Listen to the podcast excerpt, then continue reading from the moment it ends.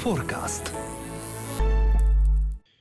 Dzień dobry Państwu, witam w kolejnym odcinku Forecastu. W Forecastie rozmawiamy o przyszłości energetyki. W Forecastie rozmawiamy o przyszłości świata, o przyszłości Polski, o zrównoważonym rozwoju, jak tą przyszłość kształtować po to, abyśmy e, ten, ten, ten nasz świat w taki sposób rozwijali, aby coś, nie coś jeszcze zostało dla naszych dzieci, dla naszych wnuków. Dzisiaj moim gościem jest pani profesor Joanna Kulczycka z Instytutu Gospodarki Surowcami Mineralnymi i Energią Polskiej Akademii Nauk. Dzień dobry pani profesor. Dzień dobry panu, dzień dobry państwu. Pani profesor, gospodarka obiegu zamkniętego to jest przyszłość? My jesteśmy na nią skazani? Czy może w polskich warunkach to jakaś zupełna mrzonka? W ogóle nie ma szansy na to.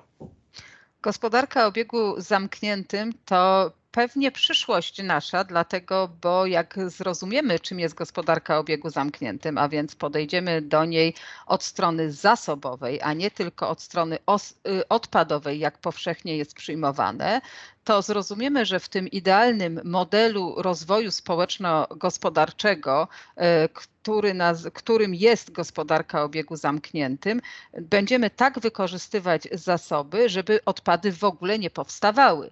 Więc myślę, że takie rozwiązanie docelowe, e, żeby wykorzystywać poprzez różne rodzaje, poprzez różne modele biznesowe, wprowadzanie nowych technologii, wprowadzanie nowych rozwiązań organizacyjnych typu współpraca gospodarcza, symbioza, ekoparki, e, to mogłoby się przyczynić do tego, żebyśmy e, na pewno żyli w czystszym klimacie, żebyśmy lepiej wykorzystywali zasoby, efektywniej, produktywniej, więc miejmy nadzieję, że tak będzie. To, że to jest właściwy kierunek, to właściwie chyba nikt już w tej chwili nie ma wątpliwości, a przynajmniej nikt nie ma poważnych wątpliwości. Tylko pytanie moje właśnie, kiedy? Kiedy w Polsce będziemy mogli powiedzieć, że już jesteśmy, no może nie w 100% na etapie gospodarki obiegu zamkniętego, ale jesteśmy e, już w te, we wdrażaniu bardzo zaawansowani. No i wreszcie od czego zacząć, żeby to było najskuteczniejsze? Myślę, że jesteśmy w bardzo dobrym momencie, dlatego, bo większość inicjatyw, y, tych inicjatyw odgórnych, prawda, bo inicjatywy mogą być top-down lub bottom-up, czyli te inicjatywy odgórne zostały już wdrożone, to znaczy mamy mapę, przyjętą mapę, y, mapę drogową gospodarki o obiegu zamkniętym, mamy w Polsce y, krajową inteligentną specjalizację, która nazywa się gospodarka o obiegu zamkniętym, zaczynamy rozmawiać o funduszach nowej perspektywie, perspektywie e, unijnej, gdzie gospodarka o obiegu zamkniętym, no myślę, że będzie ważną, ważną częścią i nie będzie dotyczyła tylko odpadów, e, mam nadzieję, ale również tego, żebyśmy nie marnowali żywności, tego, żebyśmy ponownie używali, tego, żebyśmy używali towary trwałe, tego, żeby było lepsze oznakowanie tych wszystkich produktów ekonomicznych, tego, żebyśmy y, wprowadzali e, ekonomię dzielenia, to żebyśmy w większe, jeszcze w większym stopniu po covid mogli e, wykorzystywać narzędzia e, IT do, do, do optymalizowania wielu, wielu działań. Więc jeżeli, jeżeli tak będzie i w tą stronę będziemy dążyć, to te wszystkie powiedzmy inicjatywa odgórna y, w dużym stopniu y, została y, wprowadzona. No, natomiast musimy tak naprawdę jeszcze spróbować tą inicjatywę oddolną czyli y, y, w dużym stopniu polega ona na edukacji, na kontakcie z konsumentem i patrząc na to, co się dzieje i jak młodzież się zachowuje, czyli powiedzmy, myślę, że to, to, to młode pokolenie jest nauczone już tego, tej gospodarki obiegu zamkniętym. Nasze starsze pokolenie, bardzo starsze pokolenie też było nauczone tej gospodarki obiegu zamkniętym, bo przecież pamiętamy te, te butelki zwrotne, które były to mleko pod drzwiami i tak dalej, i tak dalej. Ten moment taki chyba trudny to jest y, to, to pokolenie, które było przyzwyczajone do tej globalizacji, do, tej, do tego rozdmuchanego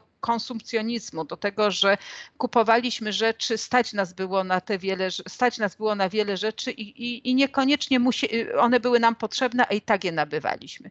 Więc jesteśmy, w, w, w, jestem, optymist, jestem optymistką pod tym kątem. To jak rozmawiać z tymi ludźmi? Tymi, którzy nie mają tej gospodarki obiegu zamkniętego we krwi, tak żeby to było najskuteczniejsze. Bo tak jak pani powiedziała, ci, ci najstarsi z nas, oni e, rzeczywiście byli wyznawcami gospodarki obiegu zamkniętego, ale raczej bym powiedział, że z konieczności. Nikt e, nie zastanawiał się, czy to jest ekologiczny wybór, czy nie, że ta butelka stoi pod drzwiami z mlekiem. E, po prostu tak było. Nie było innej opcji. Um, butelki były zbierane, oddawane do punktu skupu, nikt się paragonami nie przejmował. E, to działało, ale znowu myślę, że no, też te czasy pamiętam. To, to, to, to nie było tak, że e, z jakiejś e, świadomości ekologicznej to wynikało. To była tak naprawdę nasza rzeczywistość.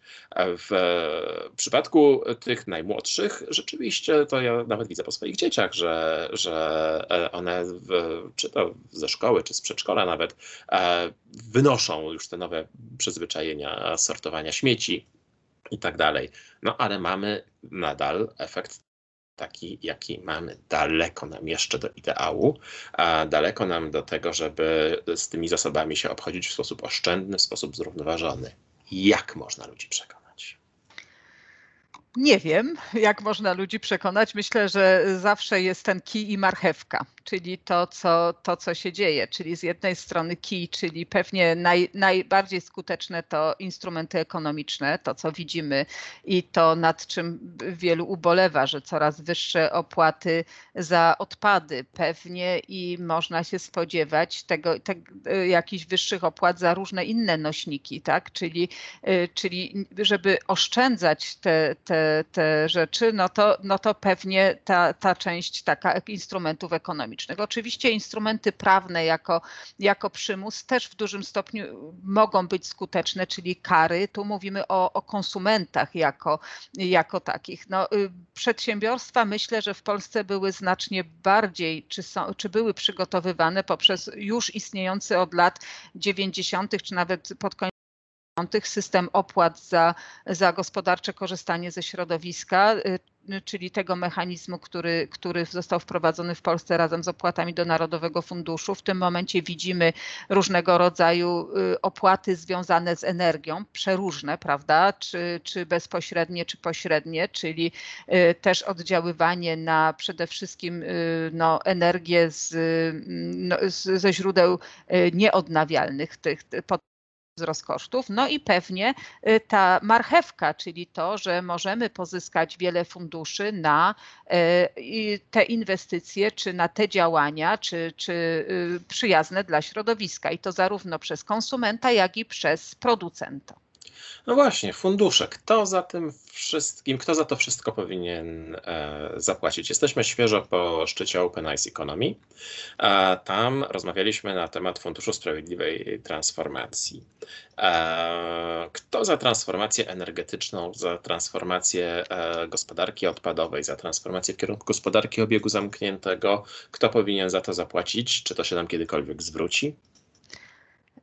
Miejmy nadzieję, że się zwróci i to w miarę, i to w miarę szybko. Rzeczywiście propozycja y, funduszu czy też mechanizmu sprawiedliwej transformacji y, ma na celu nie tylko uwzględniać aspekty środowiskowe, które są absolutnie ważne, tak, to czyste powietrze, to zmniejszenie zasobochłonności, ale również ten fundusz sprawiedliwej transformacji kładzie przede wszystkim nacisk na y, to, aby nie zostawić nikogo w tyle, tak, tej solidarności to, to słowo sprawiedliwa transformacja mówi, że powinny te pieniądze, które, które, o których, które są negocjowane, a kwoty są na pewno ogromne na lata 2021-2027, powinny trafić do właściwych osób, tak? Czyli stąd y, Fundusz Sprawiedliwej Transformacji mówimy, że będzie wspierał przede wszystkim pracowników, czyli ten główny wskaźnik to KPI będzie ilość miejsc pracy tych, tych y, pracowników, którzy potencjalnie mogą stracić, stracić miejsca pracy,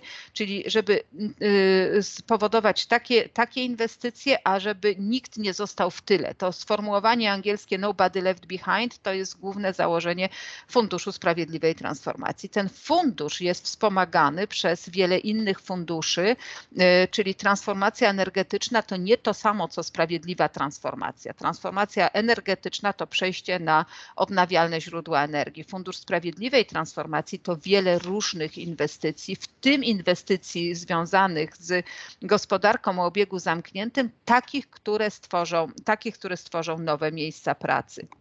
Więc miejmy nadzieję, że właśnie połączenie tych funduszy razem z tymi coraz większymi wymaganiami prawnymi i instrumentami ekonomicznymi spowoduje, że e, będziemy szukać i akceptować takich rozwiązań, e, które dadzą miejsca pracy, będą przyjazne dla środowiska, będzie można je zorganizować w ten sposób, że no, zminimalizujemy odpady. My oczywiście to, to idealnej sytuacji, że odpadów w ogóle nie ma, no to może kiedyś w przyszłości. Na razie mówimy o odpadach resztkowych, na razie mówimy o minimalizacji, wytwarzaniu, wytwarzaniu odpadów. Mówimy o minimalizacji, ale mówimy też o przetwarzaniu tych odpadów, o recyklingu.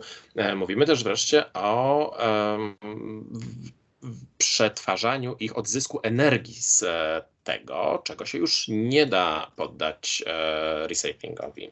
E, jak to jest, Pani jest naukowcem, jak to jest z naukowego punktu widzenia? Gdzie jest ta granica, do którego momentu powinniśmy się starać, żeby tych odpadów e, było jak najmniej, żeby przedmioty używać ponownie, żeby przetwarzać e, e, materiały, z których są zużyte, a od którego momentu już uzasadnione jest wykorzystanie ich do odzysku energii? Bo niektórzy ortodoksyjni ortodoksyjnie na to patrzą i mówią, że nie, w ogóle spalanie odpadów to zbrodnia i trzeba tak naprawdę tylko przetwarzać a, i, i nic nie powinno być tak naprawdę spalane.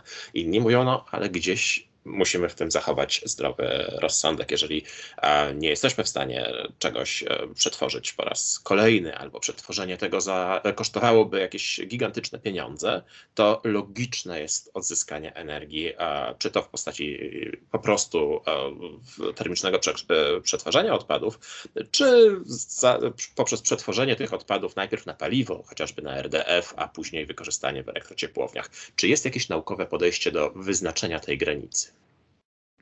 E, no tak jak to jest w nauce, że, że tych poglądów jest pewnie bardzo wiele. Natomiast to, co y, mamy w, jako pewien wyznacznik, no to na pewno jest to, że mamy hierarchię postępowania z odpadami, w której to też y, kontrowersji jest dosyć dużo, chociażby recyklingu chemicznego, czy tego, czy z odpadów robimy y, kolejne paliwo, tak jak w tym momencie próbujemy w nowym projekcie, który mamy w horyzoncie 2020 w projekcie Bioren, gdzie jeszcze z wydzielonej frakcji odpadów tych zmieszanych próbujemy robić paliwo y, do y, zasilania różnego rodzaju samochodów. Nie ma chyba jednoznacznej odpowiedzi, ale to, co jest ważne w, w tym wszystkim, to na pewno jest to, żeby firmy potrafiły zrobić cały, całą ocenę przepływu materiałów i energii i wtedy zobaczyć tak naprawdę, gdzie wykorzystać te narzędzia, ocena cyklu życia, jak ślad węglowy, tak, jak ślad środowiskowy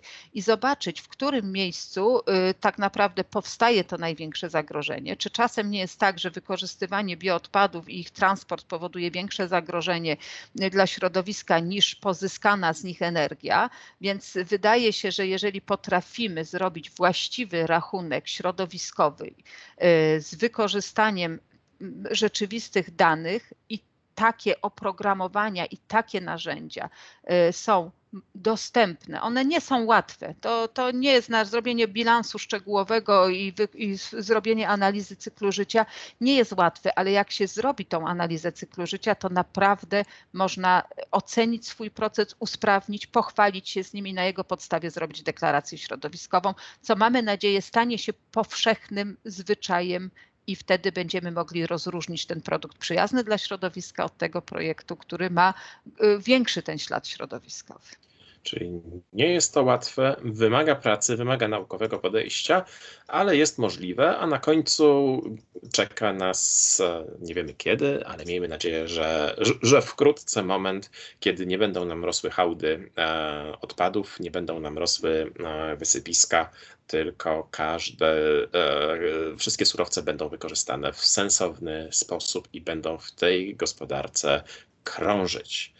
Jedna rada, jak mogę prosić, jedna rada to, co jest w gospodarce o obiegu zamkniętym, to jest to, popatrzmy na naszych sąsiadów, spróbujmy się skupić na rynku lokalnym. Już niektóre rozwiązania są takie, nawet w turystyce że pewne zamówienia chcemy, ale tylko z, od, od nasze, z naszego rynku lokalnego. Popatrzmy i wykorzystajmy te nasze zasoby, dajmy ludziom pracę, którzy są koło nas. I y, no, te krótsze łańcuchy dostaw, jak widzimy, pewnie są trochę bezpieczniejsze, szczególnie w takich trudnych sytuacjach covidowych jak teraz. To zwłaszcza w takich sytuacjach. Bardzo dziękuję pani profesor za rozmowę. Moim gościem była pani profesor Joanna Kulczycka z Instytutu Gospodarki Surowcami Mineralnymi i Energią Polskiej Akademii Nauk. A państwo oglądali Forecast. Ja też bardzo dziękuję. Dziękuję pięknie. Forecast.